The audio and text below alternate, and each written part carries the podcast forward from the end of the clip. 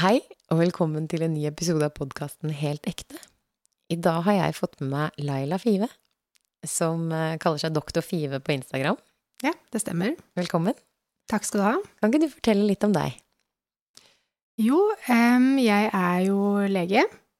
Um, og jeg var først allmennlege, eh, og ble allmennlegespesialist. Og så, um, mens jeg satt der i allmennlegestolen, så fant jeg ut at em, det er jo ikke noe skille mellom syke og det fysiske eh, med kroppen. Sånn at, eh, og jeg følte at jeg hadde veldig mye kompetanse på fysisk sykdom og medisinske tilstander, men at jeg hadde litt for lite kompetanse på det psykiske og det emosjonelle, følelsesmessige og alle disse tingene her. Så derfor bestemte jeg meg for å gå videre og utdanne meg til psykiater. Så det holder jeg på med nå. For å på en måte få helhetsbildet, for vi er jo hele mennesker. Og jeg tenkte at for å få mest mulig kompetanse på hele mennesket, så trenger jeg også denne biten. Er det en svakhet i utdannelsen din, tenker du? At du ikke har fått disse Eller hva er det utdannelser for det? Er psykiatri svaret, tror du, eller? Nei, absolutt eh, ikke. Jeg tenker at vi er nødt til å tenke helhetlig. At vi liksom Mennesket er ja, en organisme som eh, fungerer med hjerne og nervesystem, og, og at vi er på en måte i kroppen vår. Sånn at jeg skiller egentlig ikke fysisk og psykisk på samme måte som den biomedisinske modellen gjør, da. Og den biomedisinske modellen, det er sånn vi behandler pasienter egentlig vanligvis i dag, eller? Ja, det er jo sånn vi behandler i dag. I dag er det ofte delt opp i organsystemer. Så medisinske tilstander er delt opp i organsystemet, f.eks. hjertesykdommer, lungesykdommer, eh, nyresykdommer osv. Eller da psykiske sykdommer. For jeg husker da vi hadde fysiologi på skolen, mm. så var det veldig tydelig da at alt henger sammen på cellenivå. Mm. Og, og det som da for meg seinere, når vi lærte om hjertet, så tenkte jeg at men her glemmer vi jo litt av det som skjer med nyre, og det som skjer med andre. Men, men man blir mer og mer isolert. Mm. Er det fordi kanskje kroppen er litt for komplisert for å forklare alt i en modell, da, eller? Kroppen er komplisert. Og det er klart at eh, bare det å bli f.eks. hjertespesialist, da, kardiolog, det er jo et helt kjempestort fagfelt eh, med mange år videreutdannelse etter eh, legestudiet. Sånn at det er klart at vi trenger å subspesialisere oss også. Og det er veldig viktig at vi har alle disse subspesialitetene. Men så tenker jeg også at vi trenger et eget felt som går på dette her med stressmedisin, eh, hvor man kan se på mennesket som en helhet. For det vi ser, er jo at stress og det stresset vi påfører kroppen, og det indre stresset også, det fører til økt inflammasjon, som igjen fører til alle disse sykdommene. Jeg har lest en bok eh, av Torkil Færø Mhm. som heter Pulskuren. Har du lest den? Ehm, Den ligger eh, i i kofferten, ja. Den er med på, den er med på ferien. Ja, jeg var så heldig å ha han som gjest eh, mm. i forrige sesong. Og da var det en sånn eureka for meg, fordi det beviste hvordan min tanke om at det fysiske og det psykiske henger sammen, og at Mm. følelsene våre påvirker oss. Og når jeg har møtt veldig mange som viser seg å da kanskje ha traumer, Mm. eh, og eh, sliter med tilknytning og tilhørighet, og vært mobba, og hvordan det her da har ført til mage-tarm, eh, Mm. eh, veldig fysiske Mye fysiske plager, og Mm. uførhet, da. Og så kommer de til meg pga. tannlegeskrekk, mm. Fordi de ikke har klart å forholde seg til det, tannhelsen sin. Så, så for meg da, ved å eh, få et måleenhet inn til det autonome, eh, autonomiske nervesystemet, med den pulsvariasjonen, det er jo Mhm. der han forklarer det, Mm. så var det sånn her Her har vi et bevis på at følelsene våre påvirker oss i varierende grad ut fra Mm. personlighet og eh, hvem vi er. Mm. Eh, mens og kanskje noen er mer sensitive og er litt mer utsatt for å bli syke da, av det vi inntar, så vil alle påvirkes i varierende grad, og alle noe. Absolutt. Og det er så viktig. Og det tenker jeg er så fint med det der med HRV-måling, ikke sant. Og body battery, at man kan faktisk følge med på å finne ut av hva som tapper en, og hvor mye man har egentlig igjen av sin reserve når man går i senga på kvelden.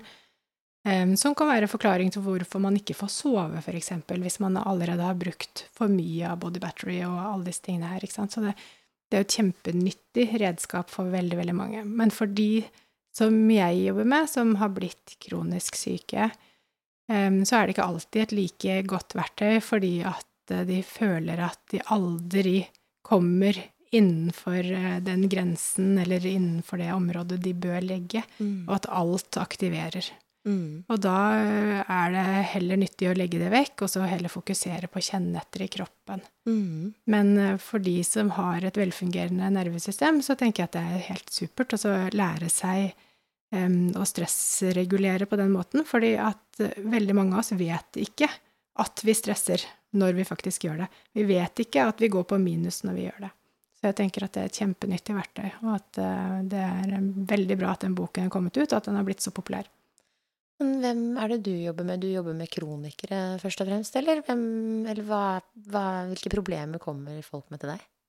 Ja, altså Jeg har jo denne mm, stillingen i psykiatrien, da, hvor jeg utdanner meg til psykiater, men på siden av det så har jeg startet da, et eget kurs og et eget prosjekt eh, som jeg prøver å jobbe opp og, og utvikle videre. Og der jobber jeg med de med kroniske lidelser som har fått beskjed om at de ikke kan bli bedre eller frisk, eh, som ikke får noe hjelp i det offentlige helsevesenet. Men sånn som jeg noen ganger, etter å ha lært mer og mer om hva følelsene gjør med oss, mm. er det sånn at det å si, sånn som jeg tenker nå, da, at følelsene på en måte er et glemt organ? ja, ja det, det, kan du si. At uh, i dagens samfunn så får ikke våre følelser spillerom. Jeg tror det var mye lettere før i tiden, hvor vi var litt mindre slepne, kanskje, og kunne, kunne på en måte bare utagere som vi ville. Mens eh, i dag så er ikke det lov. Du skal liksom være snill og grei og ordentlig og oppføre deg, og det er veldig um, veldig mange sånne tradisjoner og skikker og, og formaninger da, allerede fra du er barn om hvordan du skal oppføre deg hvordan du skal være. ikke sant? Og da, da glemmer vi å kjenne etter hvordan vi har det inni oss, og hva vi føler. Sånn at jeg tenker at det er noe av det vi har mistet i dagens samfunn, som vi trenger å jobbe mye med. Og, og på en måte også lære barna våre, ikke minst, at det er lov til å ha følelser. Og det er noe som forelder så fikk jeg høre det at man må romme følelsen til barnet. Mm -hmm. Mens eh, før jeg forsto følelser og hva romme følelsen betyr, mm -hmm. så hørtes det bare en sånn pedagogisk platt setning som jeg egentlig ikke skjønte. Absolutt. Hvis vi da får en pasient da, og, da, og romme følelsen, hva betyr det for deg? Mm.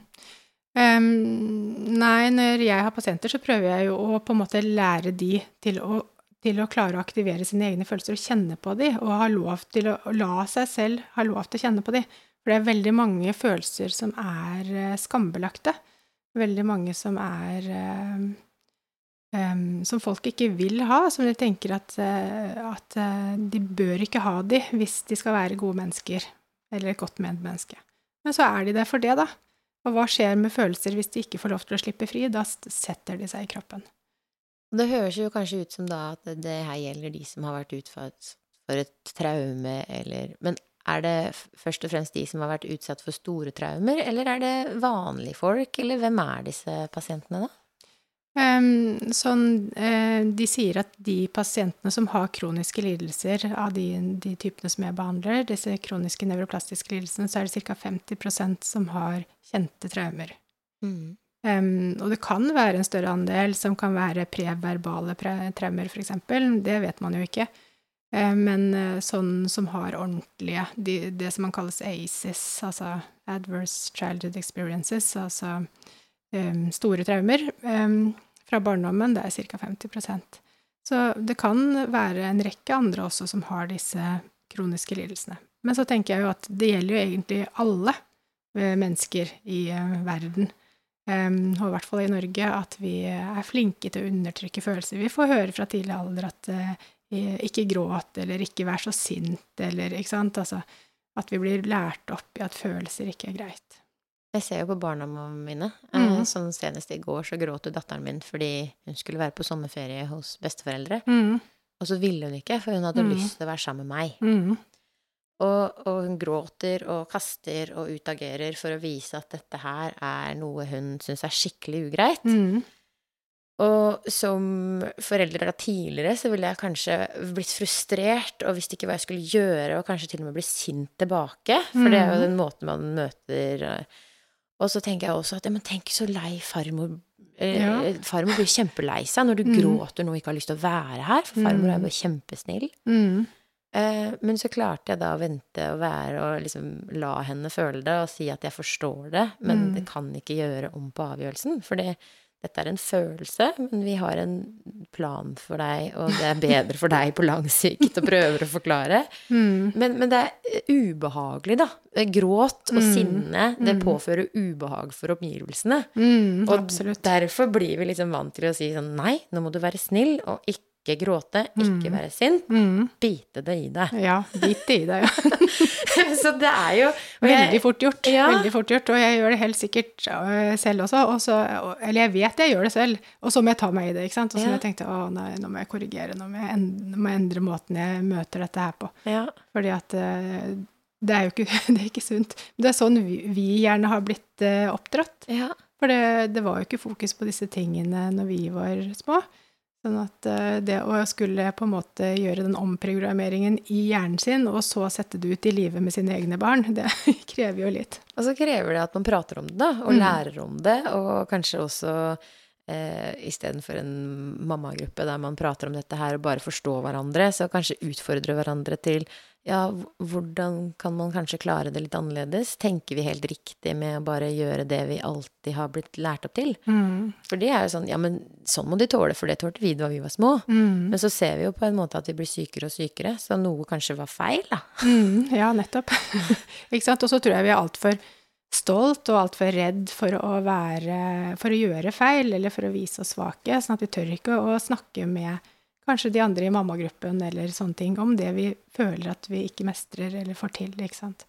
Jeg tror det her er det vanligste å stå overfor som foreldre. Mm. Det der med å ta takle følelsene og sette grenser, Mm. og ikke bare gi etter, da. Det er jo veldig lett å gi etter, sånn som hvis jeg hadde vært sliten da, i går, og Mm. det voldsomme raseriutbruddet. Bare sånn, men bli med hjem. Vi Mm. får det til på et vis. Mm. Men så er ikke det det beste for barnet. Nei. Fordi der har hun det kjempefint. Når jeg jobber og hun skal være alene hjemme, og da blir det skjerm og alt det der greiene, Mm. så er jo ikke det det beste for henne. Men Nei. hun vet jo ikke det. Nei. Nei. Men hun sier jo egentlig bare 'mamma, jeg er lei meg for at jeg ikke skal være med deg'. mm. Og så bare det å sitte og trøste det litt, så går det fint å være hos farmor. For Ja. hun vil jo sannsynligvis være der, men hun vil bare uttrykke at det er trist å ikke være med deg. Og det å faktisk klare å sette ord på følelsen, da. Mm. Kanskje vi kan hjelpe barna våre litt til det, og finne ut hva Ja, du er lei deg. Mm. Greit å kjenne på det. Mm. Nettopp. Eh, jeg har lest både en bok som heter 'Psykolog med sovepose'. Mm. Er det en bok du kjenner til? Ja, den har jeg lest. Eh, og hun er veldig god til å sette det der med følelseslokk. Og når du Mm. snakker om fysisk sykdom og hvordan følelsene eh, vi ikke klarer å sette ord på, og som ligger der og er undertrykt, Mm. gjør at vi får vondter. Kan ikke du Mm. fortelle litt om det? Mm. Jo, eh, hun psykolog med sovepose, hun er jo ISTDP-terapeut. Og jeg har jo ikke tatt den utdanningen, men jeg har forkurs i ISTDP, og jeg bruker egentlig mye av teorien til ISTDP i min behandling. Eh, akkurat det der med følelser og komplekse følelser og undertrykking av følelser og disse tingene her. Så det syns jeg er veldig, veldig spennende og et veldig fint fokus. Um, mistet jeg helt tråden. Hva var det du sa? eh, ISTD, P. eh, hva, hva er det? Det er en intensiv korttidsdynamisk psykoterapiform Ja. mm, som skal gå på å aktivere følelser. ja, så da hjelper man pasienten til å kjenne på den følelsen, eller finne ut av hvilken følelse Ja. eh, som eh, gjør at de får vondt. Mm, ja eh, I utgangspunktet så undertrykker, eh, undertrykker vi følelser med for eksempel angst. Ja. Um, eller det kan sette seg som uh, hodepine, som migrene, eller som smerter i magen, som irritabel tarm, for sant? Og når man får aktivert og får opp følelsene og tillater seg selv å kjenne på de, så, så vil disse problemene da løse seg. Så angst og sånn tankekjør og uh, lite bærekraftige tanker, det er egentlig et symptom på undertrykte følelser ofte. Ja. Mm. Så for å behandle angst, eh, så tenker du at da må man prøve å finne tak i følelsen som gjør at de Som de har undertrykt. Det er en måte å behandle angst på. Men Ja. så finnes det jo mange former for terapi som ikke går på det i det hele tatt. Som går på å endre tankesettet. For eksempel så snakket du om at du driver en del med kognitiv terapi. Mm. Og der er det jo det med å på en måte stille spørsmål med, med tankene sine og kunne omformulere de Mm. på en måte. Og det er jo flere forskjellige metoder og flere forskjellige veier til målet. Eh, kognitiv terapi har ikke vist seg å hjelpe veldig mye på fysiske, kroniske eh, plager. Det hjelper godt på angst, f.eks. Eh, det hjelper en å leve godt med plagene. Det er brukt veldig mye i kognitiv terapi i forhold til mennesker med nevroplastiske lidelser, eller psykosomatiske lidelser, som de ofte kalles i Norge i dag. Mm. Em, og det hjelper de til å leve bedre med de plagene og få bedre livskvalitet. Det er det vist i studier. Mm. Men at man blir kvitt de, det er det uh, lite studier som tyder på med kognitiv terapi.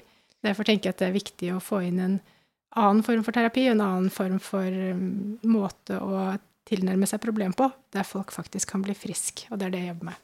Så mye av medisinen vår nå, det er jo da å behandle symptomet. Sånn som at vi prøver å lette livet med den sykdommen du har, Mhm. ved et hjelpemiddel. Mm. Mens for å f.eks. bli kvitt da, sånn som det er veldig lett å se et bilde på at har du et sår, og du har en flis, Mm. så er det flisa som gjør at du får en gjentagende betennelse. Og så kan du rense såret, men du Mm. får ikke såret helt friskt hvis du ikke får ut flisa. Mm. Så da er det litt sånn eh, drive og rense og plastre og sånt noe, så blir det aldri helt bra. Det blir bedre, og du blir kanskje ikke kjempesyk. Mm. Men hvis du faktisk får ut flisa, så kan du bli helt frisk. Mm. Mm. Så det er det man gjør ved å føle følelsen, da. Da kan man kanskje få ut flisa. Eh, Ja, det er en av tilnærmingene Ja. for å få det til. ja.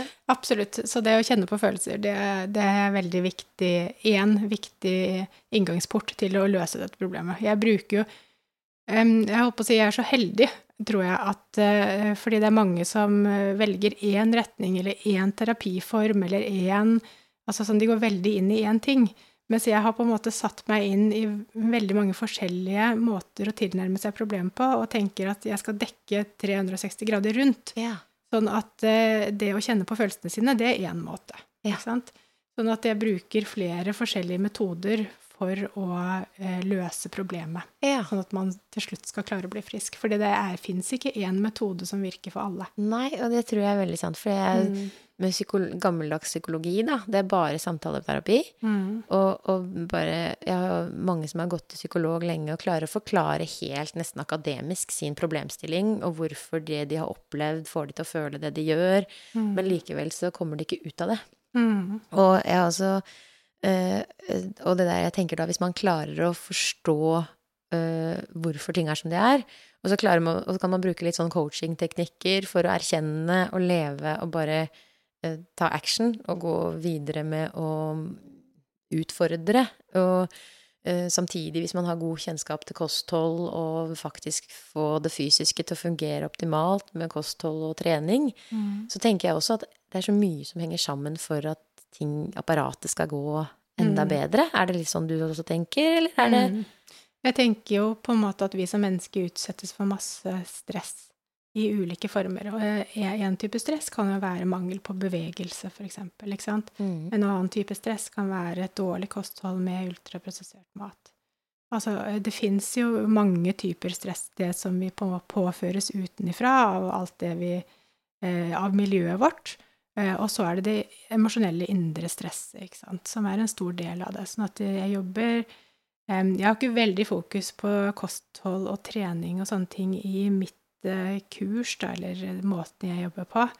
Snakker snakke litt om at, eh, at det er viktig, på en måte, men jeg tenker det at når man begynner Når man slutter å være sint på kroppen og seg selv, når man slutter å være frustrert og irritert, men faktisk lærer seg å ivareta seg selv, eller bygger opp selvfølelsen igjen, bygger opp troen på at man kan bli frisk, og at man kan helbrede seg selv innenfra, så kommer alt det der. Mm. Fordi da har man lyst til å gjøre gode ting for kroppen og seg selv. Det er liksom sånn, og det er jo noe av det vi jobber med tidlig i kurset. Hva er viktig for deg? Hva er dine verdier? Hva har du lyst til? Hva har du lyst til å få til? ikke sant? Og da er det jo kjempeofte så ligger jo trening og bevegelse og alt dette her ligger veldig, veldig høyt opp Mm. hos veldig mange. De har Mm. lyst til å få det til, de får det ikke til, de har ikke kapasitet, de har ikke det lenger. Og veldig mange av de har hatt stor glede av å være i naturen og gå på turer og være veldig, veldig aktive. Altså de som rammes av disse kroniske lidelsene som jeg jobber med, da. Det er ofte mennesker som har vært veldig hardtarbeidende tidligere, ikke sant, som har gått rett i dørken på et eller annet tidspunkt. Um, så ja, jeg tenker de er eh, noen skikkelige strebere. Og, og det er også noe som kan holde deg i sykdommen, ikke sant, fordi du blir så desperat i kampen din i å komme ut. Og det er jo gjerne en sånn selvmotsigelse med hva øh, det å være utbrent øh, handler om. For da kan man bli sett på som orker ikke, er det vondt i vilja? Mm, Det er sånne der ting som man er redd for at folk skal si om en. Mens Ja. kanskje det er motsatt. Det er de som har holdt ut lengst. De som bare jobber imot. Absolutt. Ofte så er det det. Eh, og, og veldig mange har den innstillingen i samfunnet i dag som det som du sier, at det, altså, er det ikke bare å ta seg sammen litt, da, eller trenger man å ha så veldig mye fokus på det, er det ikke liksom bare å gå seg en tur, og så blir det bedre. Og det er jo veldig frustrerende når det er alt du vil, Mm. og så får du den beskjeden. Mm. Mm. Og jeg er veldig fascinert av menn og menns forhold til følelser. For jeg har jo veldig mange som eh, er redd for tannlege, og så har jeg mange som eh, unngår å De sier ikke at de er redd for tannlege, men de brekker seg. Det er ofte menn, da. Mm. Som ikke forstår denne brekningsrefleksen, eksempel. Og så prøver jeg jo å snakke om at det er kanskje følelse av eh, utrygghet, eller prøver å tilnærme meg å snakke om følelser, så er det helt blokkert. Det går ikke an, fordi de er jo ikke redde. Nei. Men så har jeg sett greit, men da eh, prøver det på denne måten. Og så ser vi at de får tilbake kontrollen, og at jeg gir dem litt mer, kanskje maser litt på at de skal komme med tilbakemeldinger. Så plutselig så har de ikke denne brekningen lenger. Mm. Uh, mens for de så handler det ikke om følelser, for følelser er noe de ikke forholder seg til. Mm. Og jeg tror at det, de også kan holde ut ganske lenge da, mens så forstår de ikke da når de får angst eller uh, andre ting, og tenker at det her er jo ikke noe som kan skje meg, og så er det en veldig, veldig stor skam. Mm. Absolutt. Behandler du mest damer, eller behandler du mest menn? Mm. Eh, kvinners følelsesliv er jo veldig komplekst. Menn er eh, ofte enklere. Eh, sånn at det er klart Og kvinner pålegger seg selv mye mer stress og ansvar enn hva menn gjør. Det er vel sånn ofte i samfunnet vårt at menn kan legge seg på sofaen og hvile hva, i, midt i rotet, mens damer blir stressa. sånn er det jo ofte, ikke sant? Ja. At menn har lettere for å bare koble ut. Ja. Sånn at derfor er stresslidelser også Ikke bare derfor, da, men det er jo et bilde da, på hvordan det kan være, og hvorfor stresslidelser oftere rammer kvinner enn menn. Så ca. 80 70-80% av de som rammes av disse kroniske lidelsene, er kvinner. ja. Mm. Men det er absolutt menn der ute, og det er ganske mange menn. Og jeg tror det er veldig mange menn som flyr litt under radaren. Um, For de har ofte fysiske yrker, og så kan man skylde på de fysiske yrkene når man får kroniske plager. ja. Mm. Og så rus er jo alkoholikere. Det er jo Mm. ofte, oftere kanskje menn enn kvinner, eller? Ja, nå vet jeg ikke helt eh, dataene på det. Men eh, det er klart at eh, det å dempe symptomene sine med rus, det er kanskje Det er jo også ganske vanlig. Mhm. Mm.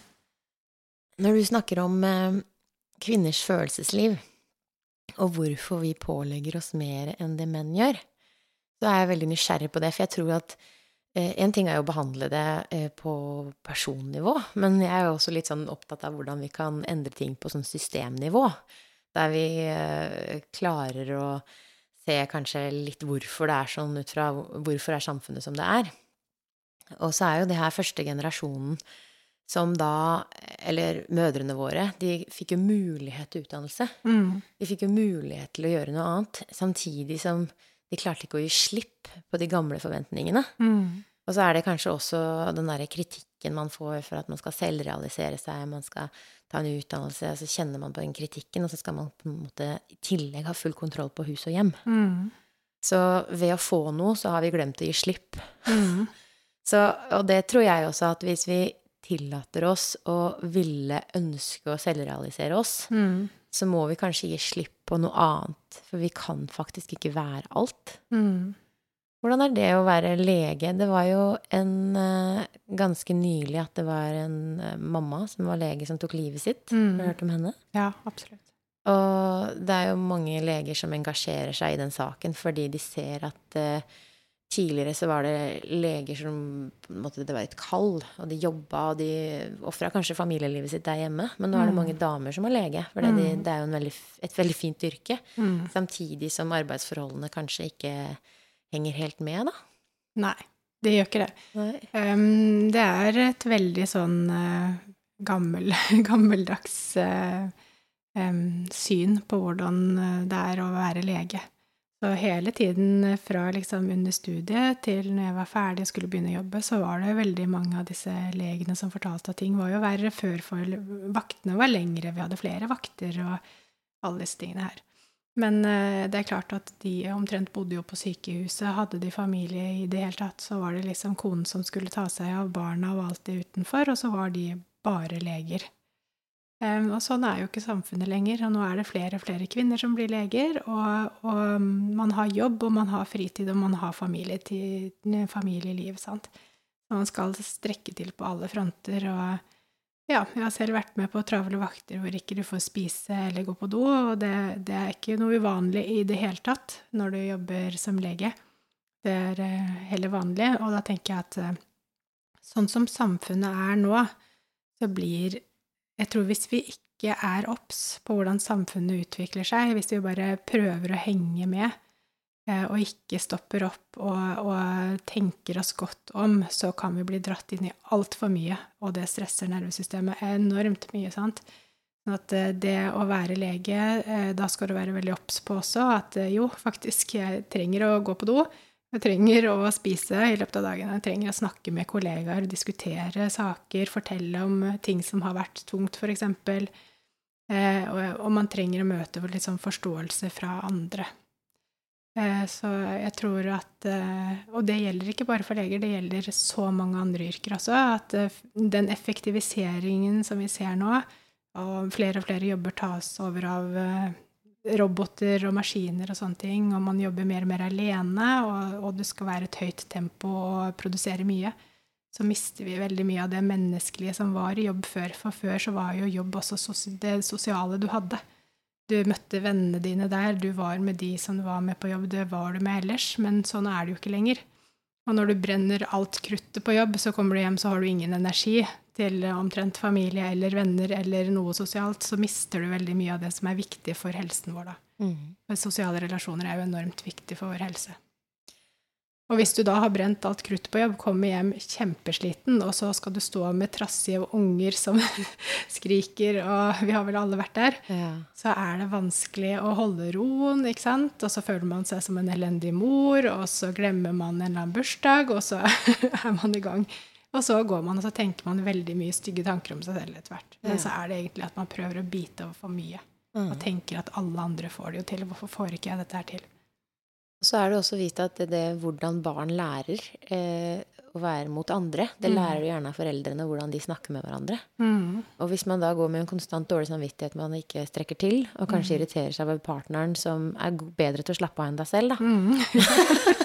så kommer det en derre bjeffing og dårlig snakk og snakker om andre, og Mm. man ikke klarer å ha den derre gode roen og samtalen, og så er det det barna lærer. Mm. Så blir det en sånn derre loop av uh, hvordan vi kanskje ikke lærer å være så gode mennesker, da. Selv Nei. om vi egentlig kunne vært det. Mm. Ja, så jeg tenker at vi kan fint leve i det samfunnet, vi kan fint ha det travelt, vi kan gjøre masse ting, men vi er nødt til å ta de veldig, veldig essensielle pausene i løpet av dagen, og bare lade og grounde og finne tilbake til oss selv, på en måte kjenne hvordan er egentlig systemet mitt nå, hvordan, hvordan er jeg regulert, hvordan kjennes det ut inni meg, og det tar ikke mange sekundene, det går helt...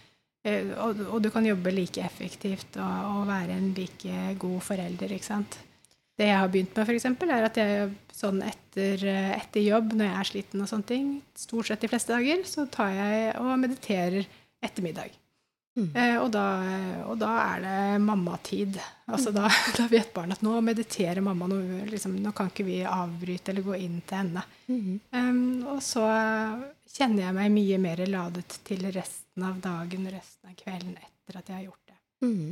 Sånn at, uh, og det tenker jeg at uh, bare det å få det til, er det så mange som ikke gjør, da, ikke sant? Fordi at de tenker at nei, det kan jo ikke jeg gjøre. ikke sant? Det er tusen ting som skal gjøres. Men uh, vi brenner veken i begge ender hvis vi skal holde på sånn veldig lenge. Og da er man i risiko for å få kroniske lidelser. Og det kjenner jeg på, det der stresset med at det er så mye jeg skal gjøre, som jeg mm. gjør det alt hele tiden. Men så blir man mindre effektiv med å hoppe fra en oppgave til en annen, og så finner man ikke roa. og så ender man kanskje med å scrolle på telefonen da istedenfor. ja, og det er jo noe vi ofte gjør når vi blir overaktivert. ikke sant? Det er å velge dårlige mestringsstrategier for stresset vårt.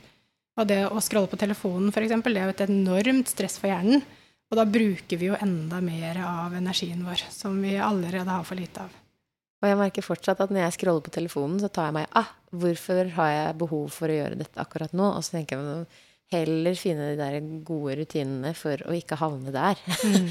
og, og, jeg refererer ofte til Anja Hammerseng Edin og Heart Mentality, for det er der jeg har lært om meditasjon og kjenner mm. på at kanskje det er viktig, selv om jeg ikke er på langt nær flink nok til å bruke de teknikkene enda, men jeg tenker at jeg vet at det er viktig, og det er første skritt til å ta det inn, da. Mm. Og da er sånn at hvis du har fem arbeidsoppgaver, så kan man eh, se på disse pausene imellom disse arbeidsoppgavene, hva mm. du fyller de med, mm. for å gjøre disse arbeidsoppgavene mest mulig effektivt. Mm. Og hvis man er god til å organisere, så kan man da jobbe smartere, men ikke hardere, og kanskje mer effektivt, istedenfor å suse i at det er så mye å gjøre. Det er mm. så travelt. Mm. Så, og så får man ikke gjort noen ting ordentlig.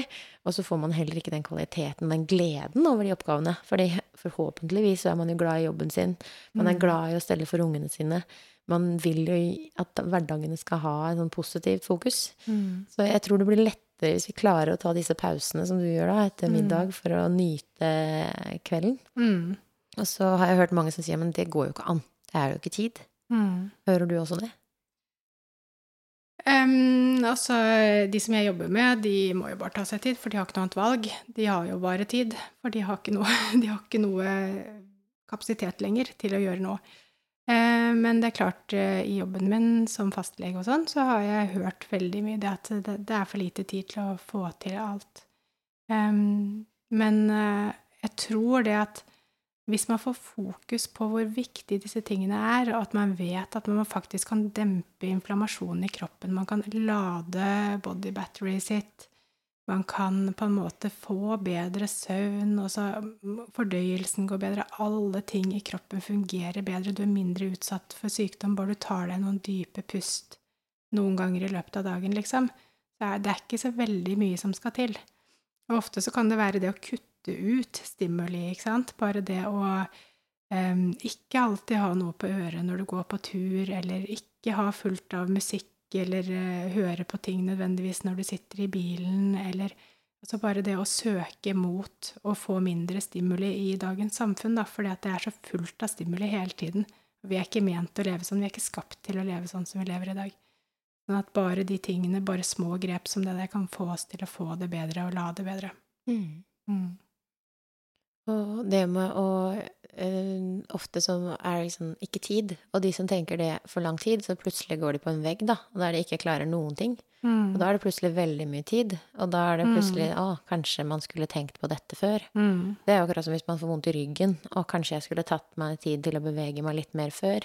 Mm. Eller hvis man får en uh, tann som må rotfylles, bare å, kanskje jeg skulle ha gått til tannlegen disse jevne. Men, men, det er så mm. lett å ikke ikke huske å gjøre ting før det smeller.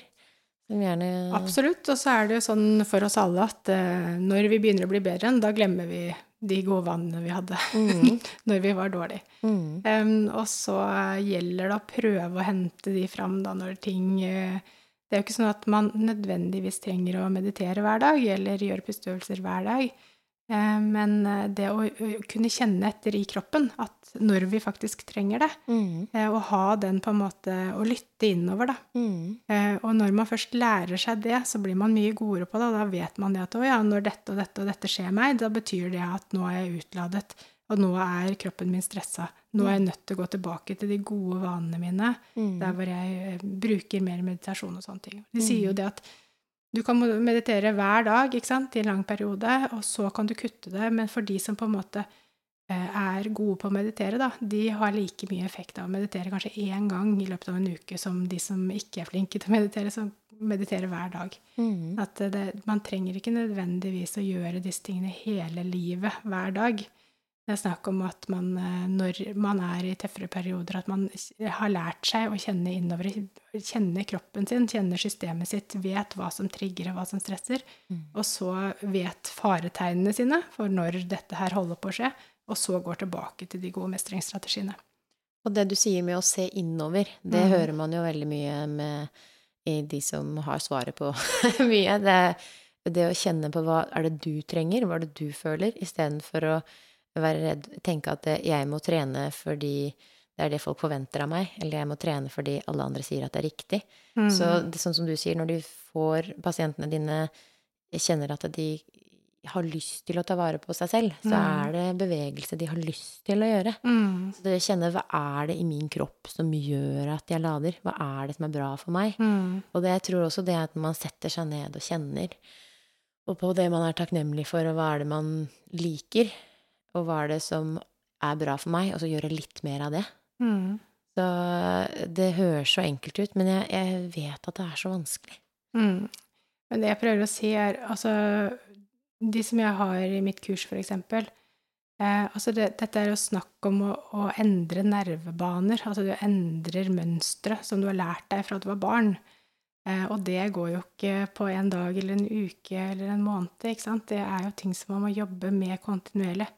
Em, og i starten så klarer man det kanskje én av ti ganger, da, og da skal du være fornøyd. ikke sant? Da er det noe med at oi, 10 bedring, det er jo kjempe. ikke sant? At man ikke skal være så selvstraffende når man ikke får det til. Men altså, ikke sant? så klarer du det to av ti ganger neste gang, da. Så er det bare sånn wow, herregud, 20% bedring, det er jo helt supert. Eh, sånn at, eh, og det er ikke snakk om at vi skal gjøre ting perfekt, for det er jo noe med å ha Det er jo også noe vi sliter med? At når vi ikke gjør ting perfekt, så blir vi også veldig selvstraffende og, og selvdømmende, og hvorfor får ikke jeg dette her til, ikke sant?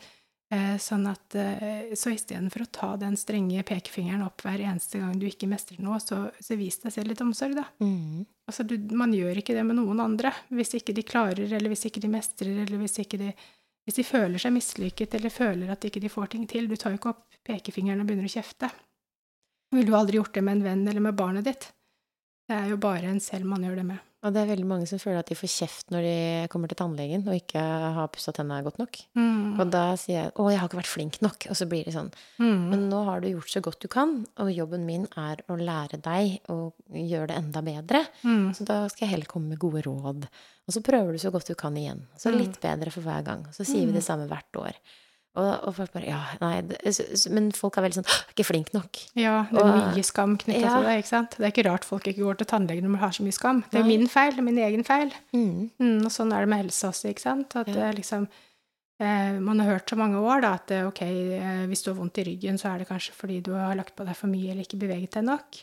Eh, og så går det med skam, ikke sant, fordi at jeg har vondt i ryggen. Ja, det, å ja, så går de til legen, og så får de beskjed om at ja, du må trene litt mer, ikke sant. Og så, em, og så um, føler de på skam hvis de ikke har klart det, da, ikke sant. Så kan ikke de gå tilbake til den legen, da, for de har jo ikke gjort det de skulle, eller sånne ting. Men ofte, kroppen vår er veldig robust, den tåler det meste. Mm. Er du i dagligdags aktivitet, så skal du vanligvis ikke få vondt i ryggen. Eh, Det skal ekstreme ting til for at du skal få vondt i ryggen av at ikke du beveger deg. Mm. Det er ofte andre ting som er årsaken til de kroniske ryggsmertene. Mm. Altså Det kan være da at du sitter litt dårlig og jeg fikk litt vondt i ryggen, men da retter du deg opp og sånne ting. Du får ikke kroniske smerter av det. Nei. Du får kanskje vondt en dag eller to. Mm. Mm.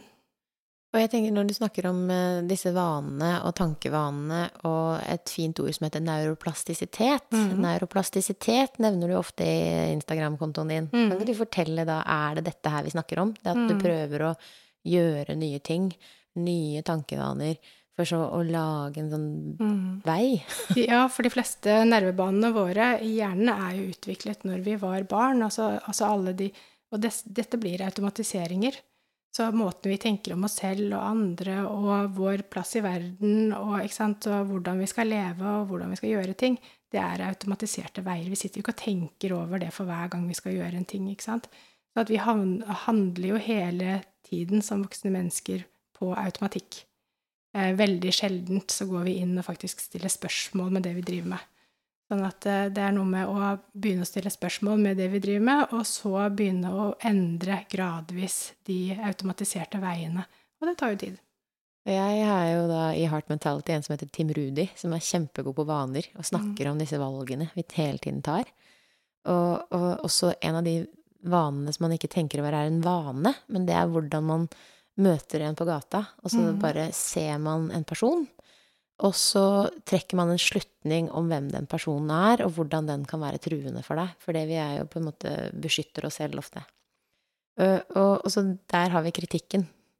Og, og, det som også er en sånn som jeg har fått veldig mye ut av, et utsagn at det, hvis man prøver å være grei med seg selv, hvis man prøver å liksom ikke tenke dårlig om seg selv, så må man også slutte å tenke negativt og nedsettende og andre også i verste mening. Så hvis man tenker at eh, Et eksempel, da, hvis det kommer en og er sur, eller eh, så, kan man tenke at eh, den er sånn og sånn, og så kritisere det at den personen er sur. Eller så kan man si at men kanskje den eh, bare er trygg i seg selv og ikke har behov for å smile akkurat nå. Eller kanskje den ikke angår meg. Eller kanskje hvis man hadde snakka til den personen og får man bekrefta noe annet, men så har man en tendens til å unngå den personen. Mm. Og jeg vet at det er å kritisere folk ved måten de ser ut, og så tenker man kanskje at og kanskje jeg må, må Hvis ikke jeg blid, så kanskje folk tenker over meg på samme måten. Mm. Så, så, en av de tingene da som beit seg fast, at hvis du skal slutte å kritisere deg selv, må du også slutte å kritisere eller dømme andre. Mm. Og det er en sånn tankevane som jeg tar meg i å tenke og har blitt mye, mye flinkere på. Og jeg har vært veldig til å kritisere meg selv. Men etter hvert som jeg faktisk da har slutta å tenke, dømme andre bare sånn Det høres jo veldig men, men, på en eller annen måte så dømmer man alle rundt seg i, eh, på en eller annen måte. Så det er en sånn vane som har vært en sånn tankevane der jeg er litt nysgjerrig på hvilke slutninger jeg tar på kort sikt. Og det er også etter å ha lest en bok som heter 'Thinking Fast and Slow', mm. der man blir opptatt av hva som er eh, de kjappe tankene, og hva som er de eh, tankene som man faktisk vurderer en ting ordentlig for å faktisk trekke en slutning. Mm. Og så viser det seg at veldig mange av disse kjappe slutningene vi trekker, ikke nødvendigvis er riktig. Mens, eh, mens det er så mange, som du sier da, fra vi er små, som er tillært fra vi er barn, som vi bare da tar som absolutte sannheter.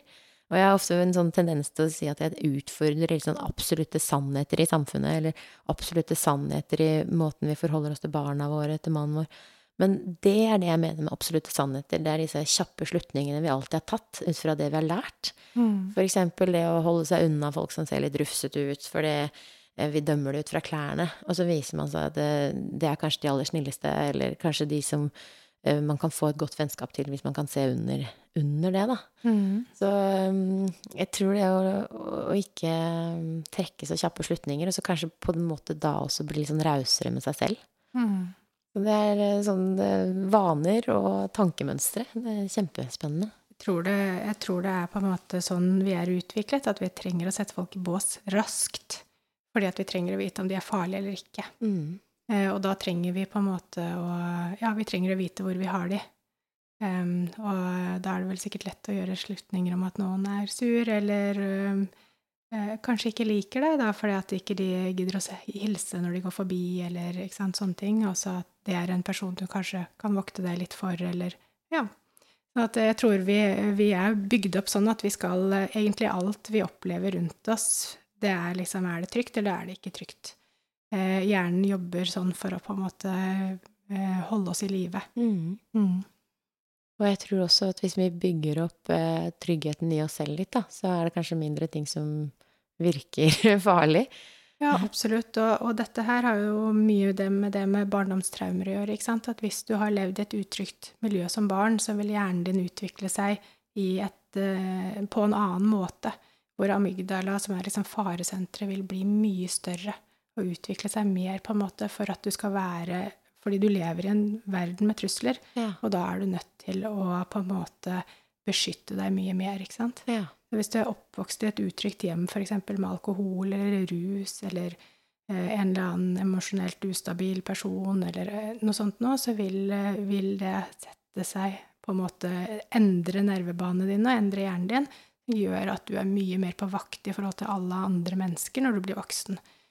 Eh, og det kan eh, De har jo gjort mye studier på dette her, hvor de har på en måte tatt et bilde da, og vist til personer som er traumatisert, og personer som ikke er traumatisert, og de vil alltid på en måte De som har opplevd traumer, vil alltid eh, vurdere de som mer truende, sintere, skumlere enn de som ikke er traumatisert. Sant? Sånn at vårt syn på verden endrer seg ut fra hva vi har opplevd i barndommen.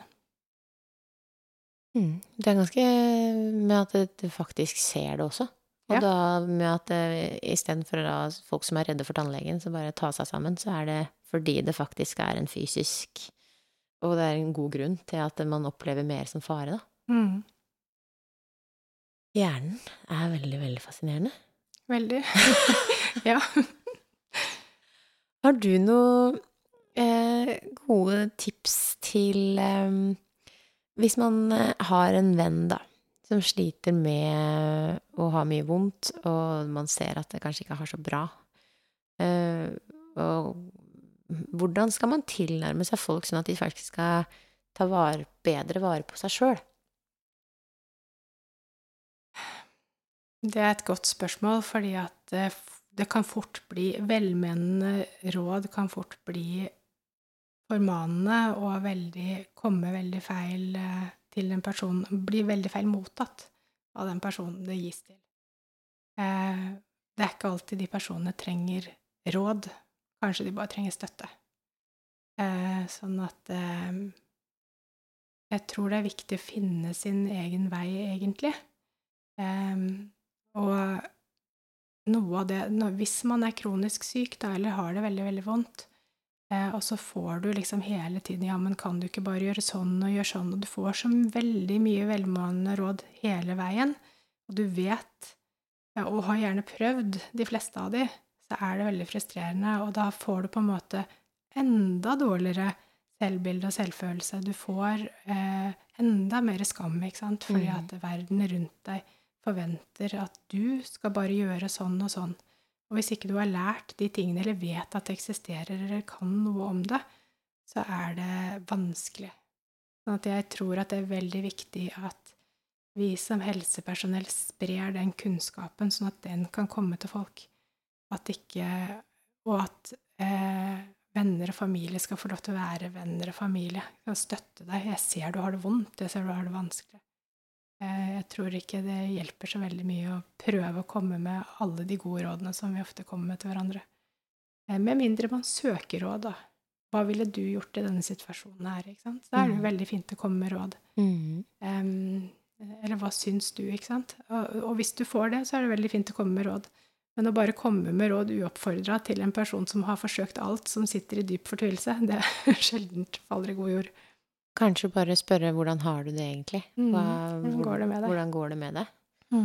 Og så Det må være tøft for deg å være så, eller å ha det sånn som du har det nå, og hatt det så lenge. Ja. ja. Bare vite at jeg er der. Ja. Mm. Og jeg, i, i helgen så hadde vi besøk av mm, eh, noen bekjente som eh, har da blitt venner av oss. Og hun har, som var på besøk, hadde da en, var utsatt for en bilulykke da hun var 19, og har vært ufør siden. Mhm.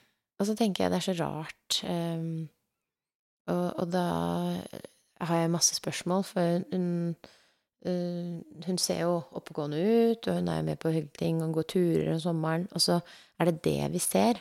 Og så tenker jeg, hvorfor kunne du ikke hatt en jobb? Mm. Bare jobba litt? Mm. Og så forklarer hun at det har hun jo vært gjennom, så er det dette Nav-systemet da som er vanskelig å forholde seg til, for hun kan kanskje fungere i en måned, og så blir hun da sengeliggende i tre. Og, og det der med eh, Ja, det er så, en veldig lang historie der. Eh, men så tenker jeg det der stigma med å da tenke at folk tenker dette om deg. Det er veldig Mm. mange som ikke klarer å la det gå. Mm. Og vi spør henne sånn, ja, men hva hvis du ville Hvis du kunne hatt en jobb, hva ville du jobba med? Og så var hun så god til å erkjenne tingenes tilstand. Vet du hva, Hvis jeg hadde gått rundt og tenkt på det, så tror jeg jeg hadde blitt syk av det. Fordi jeg må bare, bare innse at det her er sånn livet mitt blei. Mm. Og, og det å, øh, å bare prøve å gjøre det hun kan. øh, kjenne innover eh, på, på hva er det jeg kan gjøre i dag? Hva er det kroppen min tåler i dag? Og så Mm. prøve å liksom ta disse gode følelsene når de er, da. Når hun ikke har så vondt, for eksempel. Mm. Sette seg ned og bare puste og kjenne på at i dag var det deilig. Mm. Uh, og jeg var så imponert over hvordan hun da bare klarte å akseptere den tilstanden. Mm. Så Hun har levd det livet sitt i veldig, veldig lenge, vet du. ja. Sånn at ja. Og da, da får man litt sånn å se på andre som har egentlig utgangspunkt for å være veldig fysisk og gjøre akkurat det, og så streber og streber og streber, men likevel ikke klarer å sette pris på livet sitt i så stor grad, da. Så blir jeg sånn ah, Kanskje vi kan ha noe å lære av hverandre? Mm. For jeg tenker hvis du er frisk og kan leve litt saktere Absolutt. Men så er det jo mange av de som streber og streber og streber, som finner veien ut også. mm. Mm. Det er jo de jeg ser i kurset mitt. De som Mm. på en måte har eh, Ja, jeg har vel en i kurset mitt som har vært syk i mer enn 50 år. Mm. Hatt kroniske smerter og, og utmattelse og andre plager i, i 50 år, og som nå begynner å leve livet sitt uten smerter og Ja. med mer og mer energi. Så det er aldri for seint. Jeg tenker at uh, eh, Ja, jeg tenker at eh, hvor lenge du har vært syk, eller hvor plaget du er, det har ingenting å si for hvor frisk du kan bli. Nei. Mm. Det er jo også sånn Når man snakker om Nav, så prøver man hele tiden da å vise hvor sjuk man er for å få den støtten man trenger, og fordi det er viktig at vi har en trygg Mm. inntekt. Mm. Men hvis man kunne da ha fokus på hvor frisk man kan bli isteden, da. Ja, og det tenker jeg at eh, akkurat måten Nav er lagt opp på nå, så um, Sånn som jeg opplevde det når jeg var fastlege, så var det veldig mye på en måte Du skulle tikke av på alle disse Og, og man måtte ofte utrede veldig mye. Man måtte være innom veldig mye spesialister. Man måtte prøve veldig mye forskjellige ting som sjelden i disse tilfellene ga egentlig noe fremgang, da, eller de ble ofte ikke bedre av disse tingene, disse med de kroniske nevroplastiske lidelsene. Eh, Fordi at det, det har ikke funnes noe behandlingsopplegg som har fungert godt. Eh, Og så fortsatt så skal du gjennom alle disse tingene, og da blir man jo bare oftere sykere og sykere og fungerer dårligere og dårligere og får mindre og mindre tro, og liksom og, og vet jo at man, jeg kunne jo aldri vært i en jobb i dag, ikke sant. Og så blir du sittende og måtte overbevise Nav og legen din om at du ikke kan jobbe, og så blir det en veldig dårlig utgangspunkt da, for å bli bedre eller bli frisk. Mm. Mens det er det jeg prøver å formidle og få inn i det norske helsevesenet i dag, er at det faktisk fins metoder som kan hjelpe veldig, veldig mange, faktisk flesteparten, til å få et bedre liv. Kanskje ikke alle tilbake i jobb, men veldig, veldig mange kan komme tilbake i jobb, og veldig mange kan bli relativt friske, eller helt friske, av de som har kroniske lidelser. Og da kan man jo se litt sånn på systemfeilen igjen, da, hvordan norsk arbeidsliv er. For hvis ikke du kan jobbe åtte til fire hver dag, sånn og sånn, og helt akkurat til det tidspunktet som vi krever, Mm. eller så, så faller du utenfor. Mens kanskje man da Jeg er jo veldig på det at å være selvstendig og finne noe man brenner for og jobber for som faktisk er en jobb, som Mm. egentlig man kan leve av hobbyen sin, da. Hvordan med entreprenørskap og hvordan gründerkurs og hvordan det å Kanskje man kunne lært mer av det i skolen, og se muligheter, for eksempel, istedenfor at vi er helt sånn De fleste i Norge er jo ansatt fordi det er trygt, og det er godt, Mm. og det er effektivt. Men kanskje det ikke er den eneste modellen vi kan se til. Kanskje man kunne gjort mer hvis man hadde hatt mer frihet. Jeg tror på frihet, og Mm. det å faktisk styre over egen hverdag og styre over eget liv. Mm. Som uh, har måttet vike for trygghet. Og det er kanskje igjen fordi Norge har vært et innmari hardt land å, å overleve i. Mm. Så det å holde seg trygg og overleve og ha nok mat, det har vært veldig viktig for Mm. ting før. Mm. Men så er jo tiden endra seg. Ja. Jeg tror for mange så er det sånn fortsatt at man At penger gir trygghet, at man ikke har mulighet for å gå ut i en gründertilværelse og sånne ting. Mm. Men det er klart at eh, det er klart at eh, man lærer jo ikke så veldig mye om gründervirksomhet og, og det å kunne jobbe på andre måter. Det, mm. det lærer vi ikke så veldig mye om i dag. Det er veldig sånn åtte til fire, som du sier. Mm. Men eh, ja, jeg tenker det er nok veldig mange som sliter eh, nevroplastisk fordi de ikke trives i jobben sin. Eh, at det er utgangspunktet. At de ikke gjør noe de brenner for. At, eh, eller at de har en sjef som de er utrygg på. Eller at de er utrygge på arbeidskollegaer, som gjør at man hele tiden er utsatt for et konstant stress hver eneste dag i åtte timer eller syv og en halv time.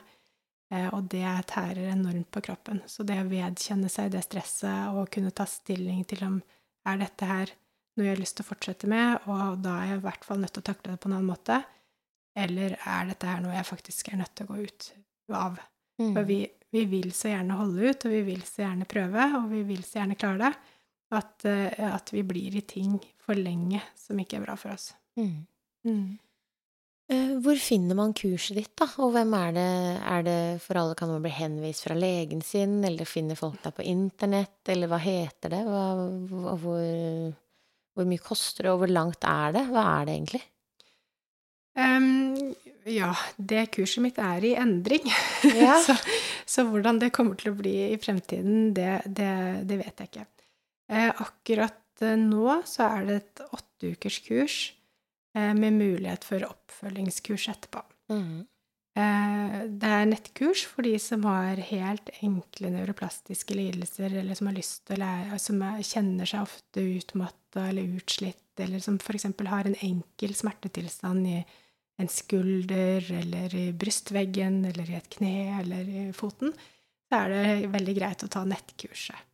Eh, mens for de som har mer komplekse eh, og sammensatte kroniske lidelser som eh, ja, fibromyalgi eller kronisk utmattelse av ulike slag eller ja, kroniske hodepinelidelser eller kronisk svimmelhet eller sånne ting, så trenger man ofte mye mer oppfølging på veien, og da er det lurt å ha det gruppekurset som vi har, da. Mm. Eh, og ja, så akkurat nå så er det et åtteukerskurs, og det går bare én gang i høst, så eh, Og så går det to ganger på våren.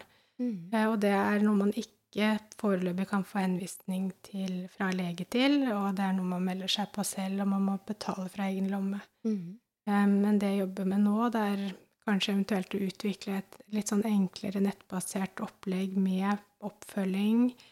Um, og kanskje også en app eller noe sånt noe som kan gjøre at kunnskapen i hvert fall blir tilgjengelig for alle, da. Mm. Fordi at eh, jeg vil ikke at på en måte Jeg vil jo spre den kunnskapen til hele Norge. Mm. Um, og jeg vil jo at dette her At folk skal lære om disse tingene og bli klar over disse tingene. Så jeg vil mm. ikke at det skal være forbeholdt bare de som kan betale. Mm. Men det er vanskelig å få implementert ting i det norske helsevesenet. Du skal mm. ha enormt mye gode, tunge, lange studier. Så det å si at dette her fungerer, um, det, det, er ikke nok. Nei.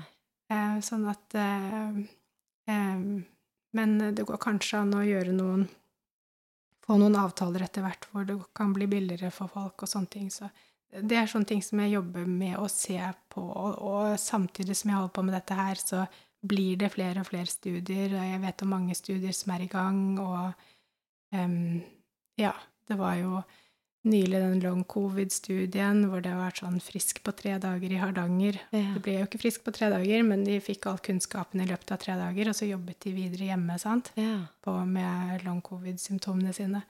Og ble veldig mye bedre etter det kurset, da. Mm. Det var en sånn rehabilitering som foregikk der, og det, den studien har jo fått uh, veldig mye oppmerksomhet internasjonalt.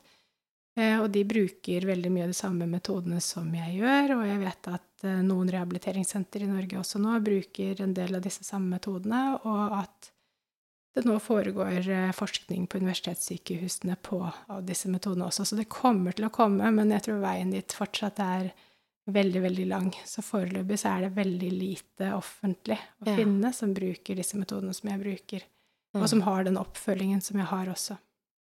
Det. For det, de, de, stedene som har begynt nå, det er kortvarige intervensjoner eller rehabiliteringsopplegg som ikke har noe langvarig oppfølging, ikke sant. Og en mm. del av disse pasientene trenger langvarig oppfølging. For det spurte jeg Sorkil Færø om boken hans. Mm. Om bare, er dette her alternativt, eller er det forskningsbasert? Mm. Det all, og han svarer da det er i aller høyeste grad forskningsbasert, men mm. som du sier, så er det så tar så lang tid, da. Implementere nye måter i det norske helsevesenet. Mm. For det, det skal jo være trygt, men, Mhm. eh, men likevel så har vi kanskje ikke tida til å, å, å vente, for det er så mange som trenger hjelp. Så Mhm. det å få litt sånn fortgang i informasjon, og det er jo målet med å invitere deg hit også. Jeg Ja. det er så utrolig viktig det du driver med. Og det er jo grunnen til at jeg har laget min egen podkast òg, for å prøve å få ut informasjon om akkurat disse tingene. Så jeg har jo Dr. Fives podkast, og jeg har, er Dr. Five på Instagram. Eh, Jeg har en TikTok-konto med Dr. Five som ikke er så veldig aktiv. og, så, og så har jeg en nettside som heter drfive.com, der man kan lese litt mer om kurset og, og det de jeg driver med, da. Mm, så bra. Mm. Dr. Five, og podkasten heter Dr. Five. Dr. Fives podkast, ja. Dr. Fives podkast. Enkelt og greit. Ja. Jeg sier bare hei av deg. Og det er så bra den jobben du gjør. Og for meg som har eh, Kanskje ikke utad det ser ut som jeg gjør så veldig mye annerledes, men så kjennes det veldig annerledes på innsida når man begynner å bare ta sånne små ting. Og det er ikke sånn at det skjer over natta heller, gjerne, disse resultatene. Det må jobbes Nei. med over lang tid. Ja, det som er, eh, det som er fascinerende, er hvor store endringer disse kursdeltakerne mine gjør på veldig kort tid. Mm. At det er, eh, at det er mulig, liksom. Altså, man Mhm. blir jo Man blir egentlig sånn veldig forundra over hvor raske endringene kan skje. Mhm. Eh, men så er det noe med at tilbakefallene kommer. Ja. Og så er det noe med at det å bli helt frisk, eller få til altså Kanskje 80% går veldig raskt, men 20 henger igjen. Mm. Og det der å, å, å stå i det, de 20% eller tilbakefallet, ikke sant, da kommer jo all frykten. eh, Herreland, kanskje dette her ikke virket allikevel, eller Ja, kanskje ja, ja. dette her eh, Tenk om jeg blir like syk igjen som jeg var, ikke sant. At den frykten, det, det krever eh, litt oppfølging å klare å stå i akkurat det. Men akkurat endringen skjer for de aller fleste ganske raskt. Altså det er veldig forskjellig løp for, fra person til person. Mhm. Og det har ikke noe om hvor flink du er, eller eh, noen ting. Det har med hvordan kroppen din responderer, og, og på de endringene du gjør. Sånn at, eh, sånn at eh, Men jeg blir forundra over ja, hvor mye vi faktisk kan gjøre selv. Da. Hvor mye Mm. kraft som fins inni mennesket til å gjøre endringer på disse tingene. Og du i din podkast forteller pasientene dine historien sin, og hvordan dere har jobba da, eller? Ja, jeg har ikke så veldig mange sånne pasienthistorier, men det kommer til å komme mye mer nå utover høsten. Så Mhm. kommer det til å dele litt eh, mer av det. Det har vært Jeg har ikke jobbet med dette programmet, eller det kurset, som jeg har hatt så veldig lenge. Egentlig bare holdt på i ja, ca. et år, halvannet. Em, så eh, jeg har ikke lyst til å ha folk i podkasten for tidlig, før de kan stole på at bedringen er der, liksom, på en måte, og at de er blitt ordentlig bra. Mm. Um, sånn at uh, Å kjenne på at de tåler det, for det blir ofte dårligere når de går ut og proklamerer at de har blitt frisk, så blir de Mm. dårligere igjen. så de skal være friske nok til å tåle det. Mhm. Mm. Så, men jeg kommer til å ha litt flere pasienthistorier utover høsten. Og målet er ikke at de skal være 100 friske heller når de skal stille i podkasten. Bare fortelle om sin reise og hva de har gjort, og hvordan de har blitt Mm. eh, langt på vei bra. Mm. Jeg kjenner meg litt igjen i det å få Sånn som min reise har vært, da. Mm. Det å kjenne at 'Å, nå har jeg funnet løsningen. Nå er alt så bra'. Mm. Og så faller man sånn tilbake i samme mønstre, for hverdagen er jo travel, og det er jo den samme jobben, det er jo ungene som kan følges opp, og så bare Ja, men hva er det jeg gjorde da det fungerte bra? Mm. det er jo en Øystein Pettersen og kongemetoden, det å evaluere når ting går bra. Hva er det jeg gjør nå? Mm. så når ting ikke går så bra igjen, så bare Hva var det som var bra da det funka, da? Mm. Så gå litt sånn tilbake til hva, hva var det jeg gjorde da? Mm.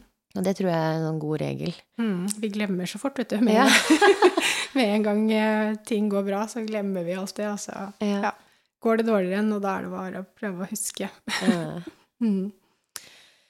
Tusen takk for at du ville komme og øse av din kunnskap. Jo, takk for at jeg fikk komme. Det var veldig hyggelig. Så takk for nå. Ha det. Ha det.